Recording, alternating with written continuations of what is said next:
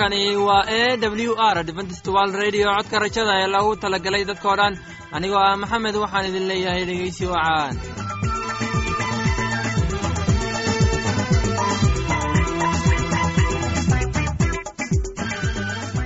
barnaamijyadeena maanta waa laba qaybood. Qaybta koowaad waxaad ku maqli doontaan barnaamijka caafimaadka. Oo inoo soo jeedinaya shiino kadib waxaa inoo raacaya cashar inaga imaanaya bugga nolosha.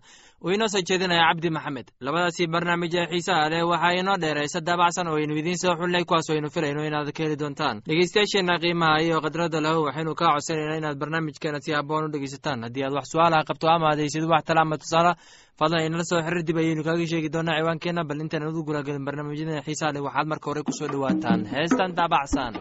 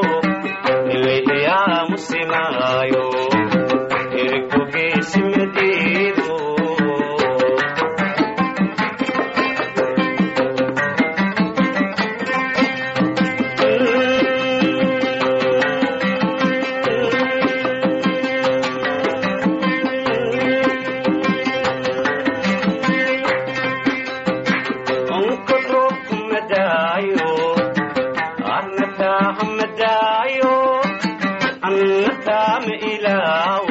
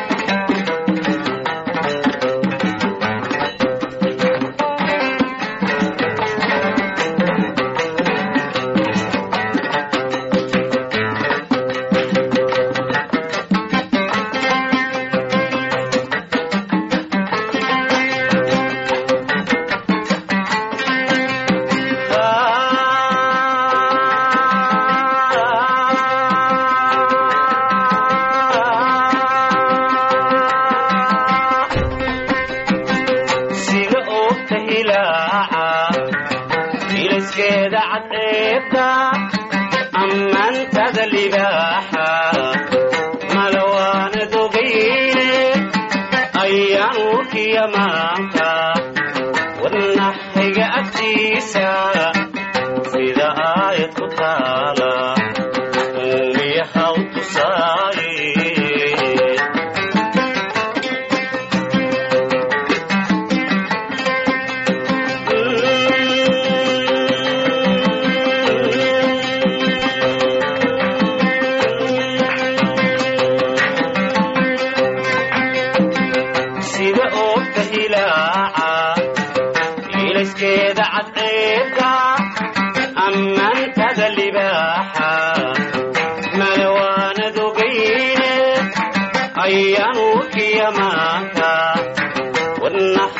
agtiisa sida aayad ku taala uumiyaha u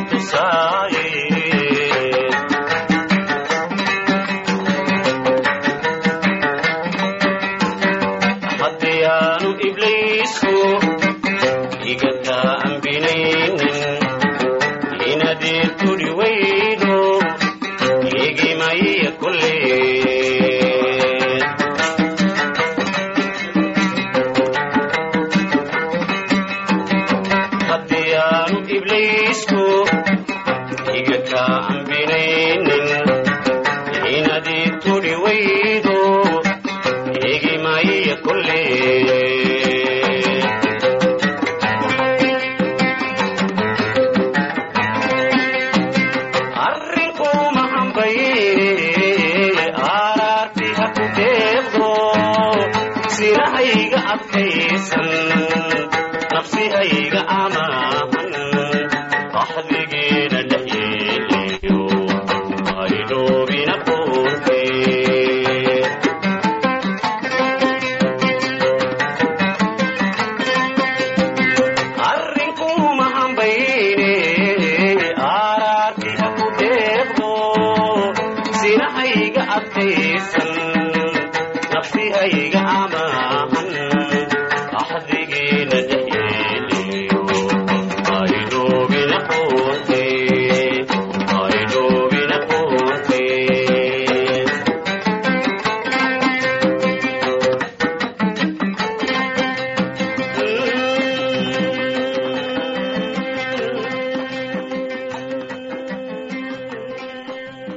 barnaamijkeena caafimaadka waa mid muhiim ah. Waxaan rajaynayaa inaad ka faa'iidaysan doontaan barnaamijkaasi. Barnaamijku wuxuu ka hadli doonaa bukaanada dhiigga ee jeermiska keena. Waxaana inoo soo jeedinaya shiino ee dhegeysiye wacaan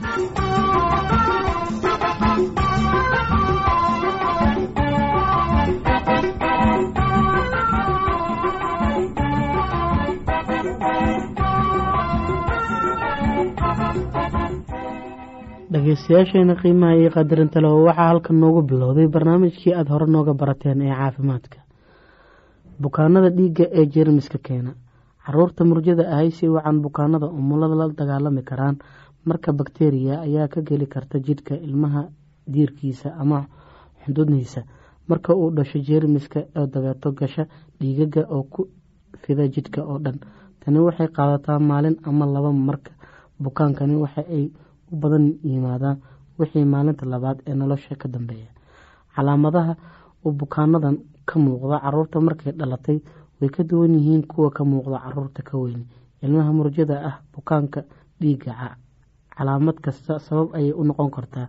Calaamadaha ka muuqan kara ilmaha waa si wacan oo u xuqjimayo wuxuu egyahay inuu aada u ololayo aada buu u cowlan yahay dhiig la'aan hunqaaco iyo shuban xumad ama kuleyl hooseeya calool bararsan diir huruud ah cagaarow in caseeya suuxdimo jidhka isqabsanaysa marmar midabka ilmaha oo isrogaya buulkii. Calaamadahan oo dhan waxaa keeni kara waxyaabo aan ahayn bukaanka dhiigga. Hase ahaatee haddii ilmuhu muujinayo dhowr calaamad ah inay marqaba waxay u dhow yahay in uu bukaanka yahay bukaanka dhiigga.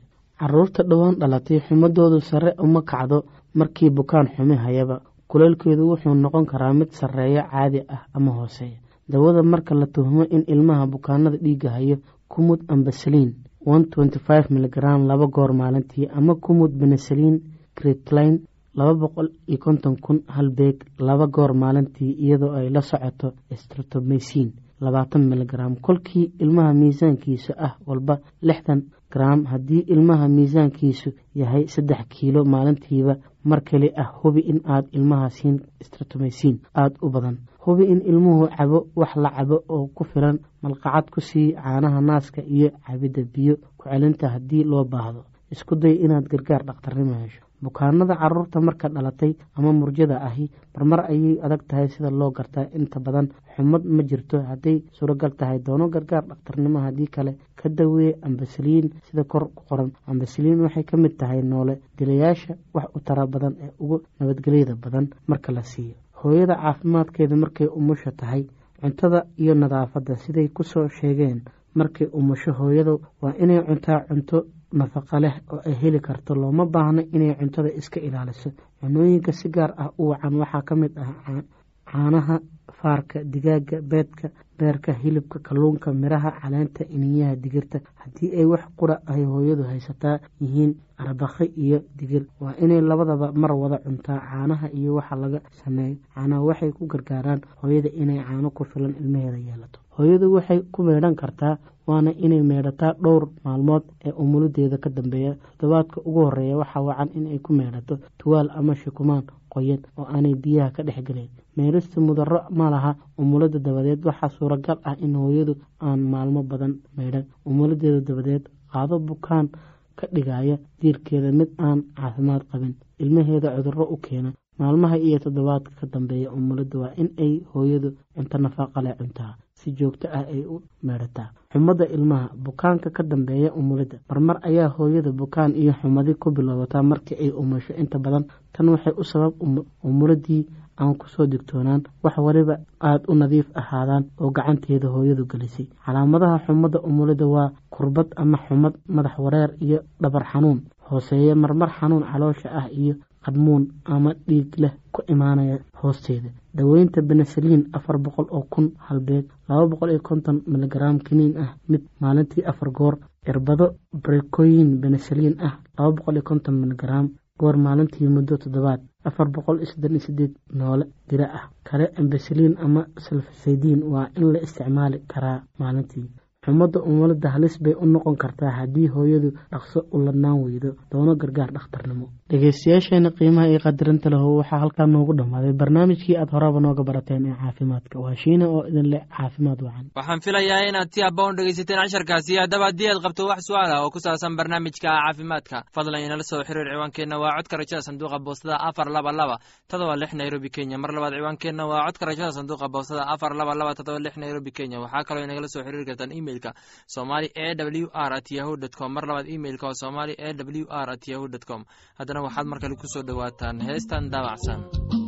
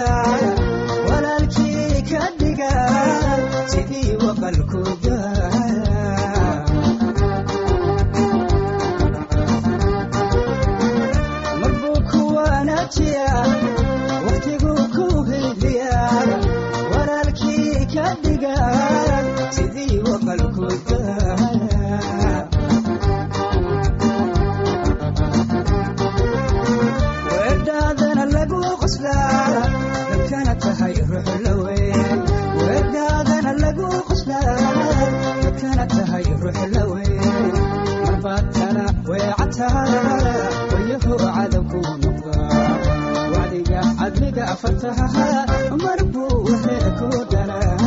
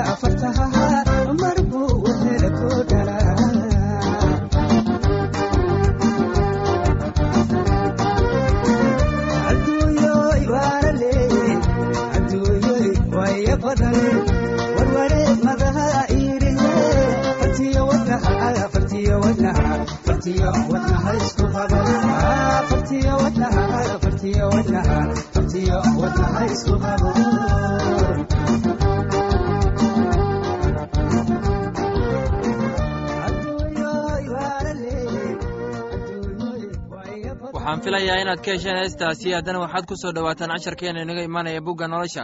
Casharkeenna wuxuu ku saabsan yahay bugga corintinos waxaana inoo soo jeedinayaa cabdi maxamed ee dhegeysi wacan.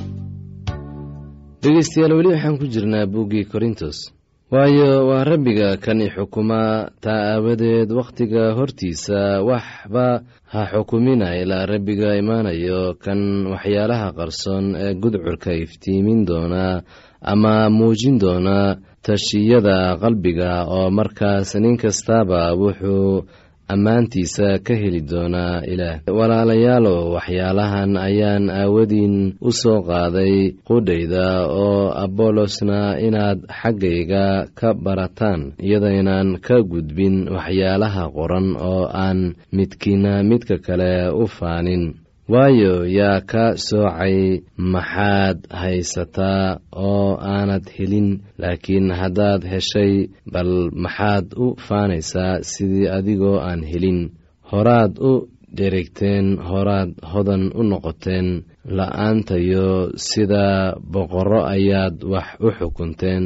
Waan jeclaan lahaa inaad wax u xukuntaan inaannu annagu wax idinla xukunno waayo waxaan u malaynayaa in ilaah na soo saaray annagoo ah rasuulladii ugu dambeeyey sida kuwa dhimashada lagu xukumayo oo kale. Maxaa yeelay wax la daawado ayaa nalooga dhigay dunida iyo malaa'igaha oo dadkaba. Annaga waxaannu nahay addoomihii rabbiga aawadiis. Idinkuse caqli baad ku leedihiin xagga rabbiga. Annagu waa xoog daran nahay idinkuse waad xoog badan tihiin. Idinku ammaan baad leedihiin annagasu waan maamuus la'nahay. Tan iyo saacaddan waan gaajaysannahay waanan hadhaadsannahay waanan aradannahay waa nala garaacay oo meel aan ku hoyano ma lihin waana hawshoonnaa annagoo magacyahayga ku shaqayna markii nala caayana waan ducaynaa markii nala silciyana waan dulqaadanaa markii nala xantana si qabow ayaynu u hadalnaa waxaannu noqonnay iskuga dunida iyo wax ugu wasaqsan wax kasta tan iyo haatan. Anigu waxyaalahaas oo qori maayo inaan idiin ceebeeyo laakiin inaan idin waaniyo sida carruurtayda aan jeclahay oo kale. Inkastoo aad leedihiin toban kun oo idinku rabeeyey aabbayaal badan ma lihidin waayo rabbiga ayaan idinku dhaareeyey xagga injiilka. Haddaba waxaan idinka baryayaa inaad igu dayataan. Taas aawadeed waxaan idin jeclahay oo aaminka ah wuu idin xusuusin doonaa socodkayga ee ah xagga nebiga. Sidaan meel kasta wax nalagu baro synagoog kasta qaar baa kibray sidii anigoo aan idin imaanaynin laakiin dhowaan baan idiin imaan doonaa haddii rabbigu yidhaahdo oo markaasaan garan doonaa kuwa kibray xoogagooda ee ma aha hadalkooda waayo boqortooyada ilaah hadal ma aha ee waa xoog iyo xigmad. Haddaba maxaad doonaysaan ma inaan ul idinla imaado mise jacayl iyo ruux qabow. Haddiise aad tihiin dad wanaagsan waa in aad rabbiga amaawiirtiisa aad qaadataan oo aad ka cabsataan si aydan shayddaanka ugu soo noqonin. Laakiin ahaada kuwo xaqa ku taagan had iyo jeer oo noqda kuwa amarada qaata rabbiga. Walaalayaalow waxaan idin leeyahay waa in aan dhammaanteenba rabbiga addeecno aan ka dambayno sida uu qorayo kitaabka injiilka. Dhegeystayaasheenna qiimaha qadarinta mudano waxaannu intaas kaga sii hakanaynaa buuggii korintos tan iyo intaynu dib u kulmi doonno sidaa iyo nabadgelyo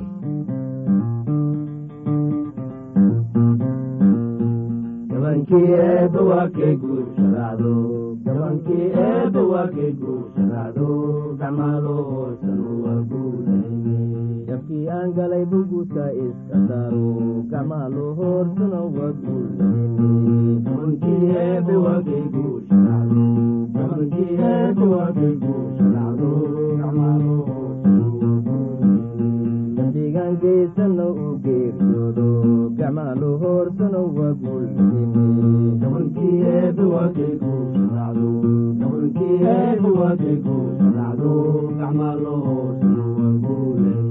gacmaayo gundahaba waa laga maro guulayne gabankii eebba waa kay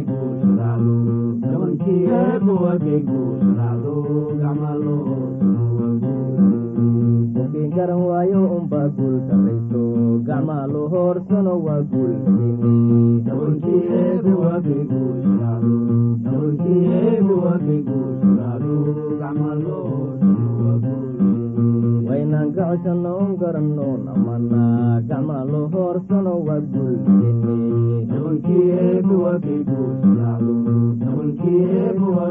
guurshadaacdo gacmaalo hoorsano waa guulayne soo laabto yimaado gacmaalo hoorsano waa guulayne gabankii eebba waa kay guurshadaacdo gabankii eebba waa kay guurshadaacdo gacmaalo hoorsano waa guulayne kuwa garan doona unbaa guursadaacdo gacmaalo hoorsano waa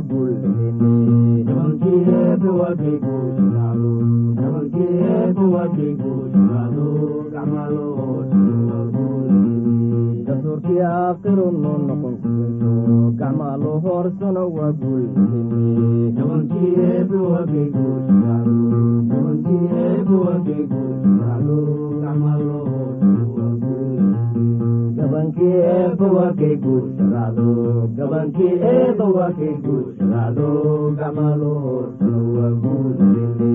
laanta soomaaliga ee w r adventist world radio waxay sii daysaa barnaamijyo kala duwan waxaana ka mid ah barnaamij ku saabsan kitaabka quduuska. Oo aan mar weliba sheegno oo ay weeliyaan barnaamijyo isugu jira caafimaad nolosha qoyska iyo heese aad u wanaagsan oo aad ku wada maqsuudaan. Casharkaasi inaga yimid bugga nolosha ayaynu ku soo gogobeyneynaa barnaamijyadeena maanta. Halkaad inagala socoteen waa laanta afka soomaaliga ee codka rajada ee lagu talagalay dadkoo dhan. Haddaba haddii aad doonayso inaad wax korsato barnaamijka caafimaadka barnaamijka nolosha qoyska ama aad doonayso inaad wax ka barato bugga nolosha fadlan inala soo xiriir ciwaankeenna waa codka rajada sanduuqa boostada afar laba laba todoba lix nairobi kenya. Mar labaad ciwaankeenna waa codka rajada sanduuqa boostada afar laba laba todoba lix nairobi kenya. Waxaa kaloo inagala soo xiriiri kartaan emailka somali e w r at yahu dt com. Mar labaad emailka waa somali e w r at yahu dt com.